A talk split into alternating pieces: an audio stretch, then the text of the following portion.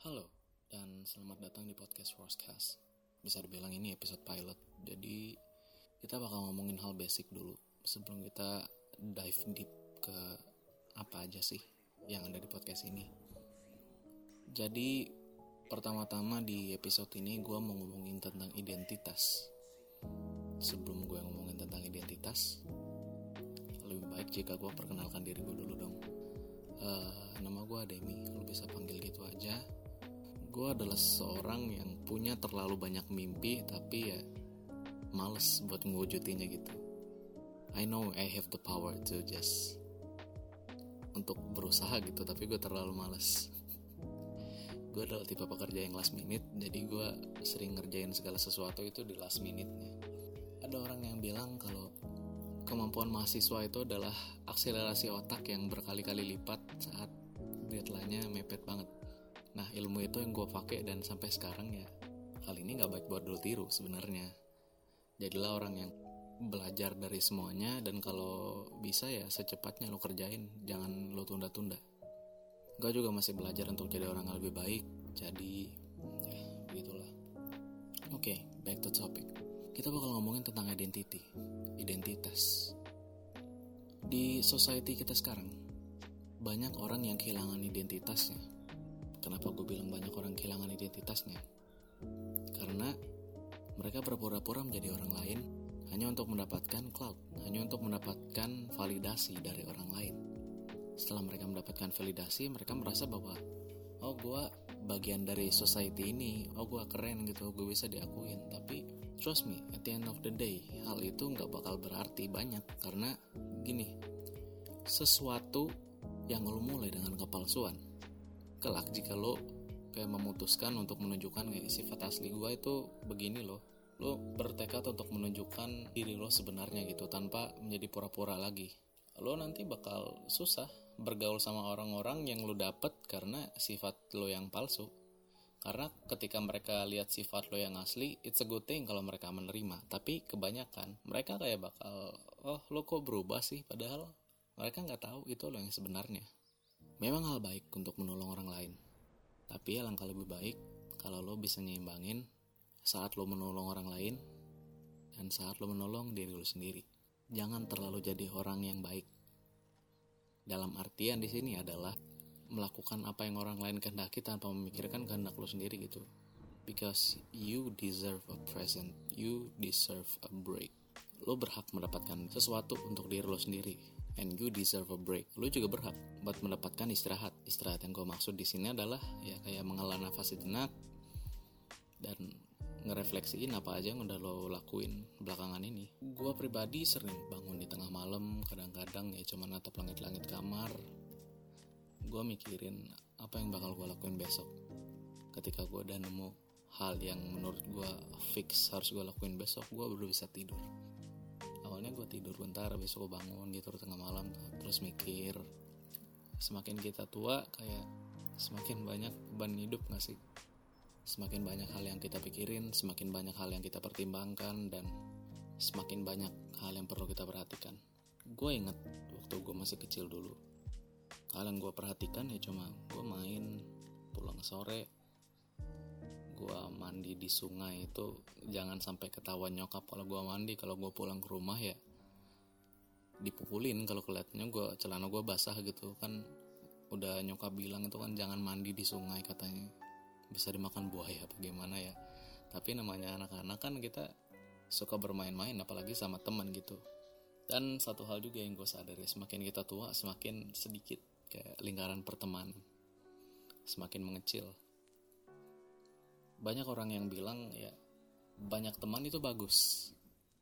Iya, memang itu bagus. Tapi percuma kalau lo punya banyak teman yang lo nggak bisa ajak kayak ngomong serius. Percuma. Gue gue mending punya sedikit teman yang bisa kayak gue ajak ngomong serius gitu. Yang kayak pas gue down mereka ada, mereka dengerin gue cerita. Dan gue bersyukur udah punya teman-teman yang kayak begitu sekarang. Walaupun mereka juga punya banyak kesibukan, gue ngerti. Karena ya seperti yang gue bilang tadi, kita punya banyak hal yang harus kita consider, yang harus kita pertimbangkan. Semakin dewasa, jadi ya begitu. Kembali lagi ke masalah identitas. kadang kita mencoba-coba gitu mencoba-coba untuk mencari identitas kita yang sebenarnya dalam tanda kutip ya kita mencoba-coba kayak oh gue pengen jadi nakal apakah ini yang fit sama gue apakah ini yang cocok gitu sama gue ternyata enggak. Oh gue mau jadi orang baik gitu gue ibadah gue gimana gitu. Oh gue mau jadi orang yang biasa-biasa aja. Terus kita mulai mendevelop sikap apatis gitu kayak kita peduli nggak peduli aja sama lingkungan. Gue pernah ada di fase itu di mana gue kayak gue pernah coba buat nakal kayak itu nggak berhasil gitu kayak bukan gue banget gue pernah coba untuk jadi baik tapi terlalu baik juga gue kayak it's not me gitu. Gue pernah coba jadi apatis gue pernah coba kayak gue nggak mau tahu sama apa pun yang terjadi yang penting diri gue sendiri. Tapi sesampainya gue di titik ini pada akhirnya sikap yang terbentuk di gue itu adalah sikap yang bercampur di antara semuanya. Kenakalan di antara teman, sikap baik kepada orang baik, dan sikap tidak peduli terhadap omongan-omongan orang yang gak membangun. Sikap nakal terhadap teman ya, gue sering trash talk, gue sering kayak ngomong toxic gitu di tongkrongan. Tapi gue batasin itu cuma di tongkrongan doang. Kalau di luar gue usahain nahan-nahan itu. I mean, itu adalah salah satu ungkapan sayang kita kali ke tongkrongan kalau kita bisa ngomong kata-kata kotor gitu ke tongkrongan dan mereka nggak feel offended mereka nggak merasa tersinggung gitu dan mereka malah ketawain itu ungkapan rasa sayang kita ke mereka nggak sih? Kayak oh bro makasih udah gini sama gue udah jadi teman gue yang baik. Teman-teman tongkrongan paham kalau gue nggak berniat untuk ngofen mereka. Mereka paham. Cari teman yang kayak gitu susah sekarang karena kembali lagi karena society kita yang banyak orang berpura-pura hanya untuk dapat validasi dari orang lain. Mereka malu untuk menunjukkan siapa diri mereka karena mereka menganggap kalau mereka menunjukkan diri mereka sendiri, society nggak bakal nerima mereka. Padahal selalu ada orang yang menerima kita. Mungkin kadang kita nggak peduli sama mereka, tapi mereka tetap peduli. Mungkin kita pernah ngecewain mereka, tapi mereka tetap di situ gue pernah ada di titik itu di mana gue kayak mengkhianati teman-teman gue teman-teman satu circle gue yang deket gue mengkhianati mereka karena cewek gue ngerasa cewek itu udah segalanya banget dah cewek itu kayak udah nggak bisa lagi udah emang udah soulmate gitu. Gue ngerasanya gue udah deket banget gue sampai ke orang tuanya. Gue ngadepin banyak kasus sama dia tapi at the end of the day Tuhan berkata lain dan kami berpisah karena satu dan lain hal. Gue ngerasa left alone di situ karena gue ngerasa nggak ada tempat pulang buat gue lagi. Gue ngerasa kalau ini sudah terlambat buat pulang ke teman-teman gue dan gue juga nggak terlalu deket sama kakak gue waktu itu apalagi kalau cerita ke orang tua ya gue malu. Dan benar kata orang Tuhan bekerja dengan caranya yang misterius suatu ketika gue ngumpulin keberanian gue dan gue ngomong ke tongkrongan kayak bro maafin gue ya. Gue ninggalin lo pada demi cewek itu. Padahal lo pada lebih kenal gue daripada dia. Mereka dengan open hand bilang kayak kita tuh nunggu lo ngomong aja sebenarnya. Kalau lo mau ngomong ya ngomong aja sama kita. Gak usah gitu kali. Kita paham mereka bilang. Dan di situ from the bottom of my heart I thank God I gratitude every day because I have them. Karena gue punya orang-orang yang terima sifat gue dan ya bahkan setelah gue melakukan hal yang fucked up tadi dengan kayak meninggalkan mereka demi satu cewek itu dan di satu ketika juga setelah gue putus sama cewek itu akhirnya gue beranikan diri ngomong ke gue sis I broke up with my girlfriend. Gue ngomong gitu ke kakak gue dan dia bilang oh iya kenapa? Dia bilang terus gue cerita etc etc gue cerita ke dia dan pada akhirnya sampai sekarang kita ya cukup deket sebagai kakak adik kalau ya gue sering ngomong sama dia more than before. Sebelumnya pas gue sama cewek gue itu gue kayak nggak peduliin dia. Gue lebih fokus ke cewek gue aja. Suatu ketika juga nyokap nelpon kan tadi putus ya sama cewek ini. Nah di situ mama tau dari mana? gitu. Mama tau dari kakak katanya ya gue bilang. Padahal gue bilang gak usah kasih tau ke mama nanti gue aja yang kasih tahu kakak gue ember duluan kan dikasih tau ke nyokap gue dikasih tahu gitu terus ya nyokap gue bilang cewek nggak satu kok deh gitu. Cewek banyak. Jadi mama bersyukur ada yang masih bisa kayak begini sampai sekarang ada yang masih kuat. Oh bersyukur gitu jangan berubah hanya demi satu orang. Nyokap bilang gitu sampai nggak tersentuh banget dan ketika Tuhan melepaskan satu hal dari hidup kita. Dari saat itu gue yakin bahwa Tuhan punya rencana yang lebih besar. Ketika Tuhan melepaskan cewek itu dari gue Tuhan memberikan gue hubungan yang baik relationship yang baik dengan teman-teman dengan kakak dengan orang tua dan I can push myself harder than that. Sampai gue lamar kerja ke sana sini lah akhirnya gue dapat kerjaan dan gue bisa sedikit sedikit kayak membalas jasa ibu gue gitu nyokap kayak gue pernah beliin nyokap goodie bag. Goodie bag doang.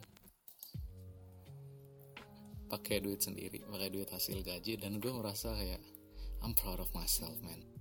I never been this proud to myself. Bukan berarti ketika gue merasa bangga dengan diri gue sendiri gue merasa cukup di situ karena nyokap udah ngasih lebih banyak daripada itu ke gue teman-teman udah ngasih lebih banyak keluarga udah ngasih lebih banyak. I must do whatever it takes to repay them bukan untuk membalas budi tapi untuk menunjukkan rasa terima kasih gue karena kalau kita ngomongnya balas budi nih setelah balas budinya selesai terus gue nggak punya urusan apa-apa dong sama lo kayak I don't have any business with you anymore gitu tapi di sini gue menunjukkan semua ini sebagai rasa terima kasih gue, sebagai gratitude gue, rasa bersyukur gue. Itu topik identitas.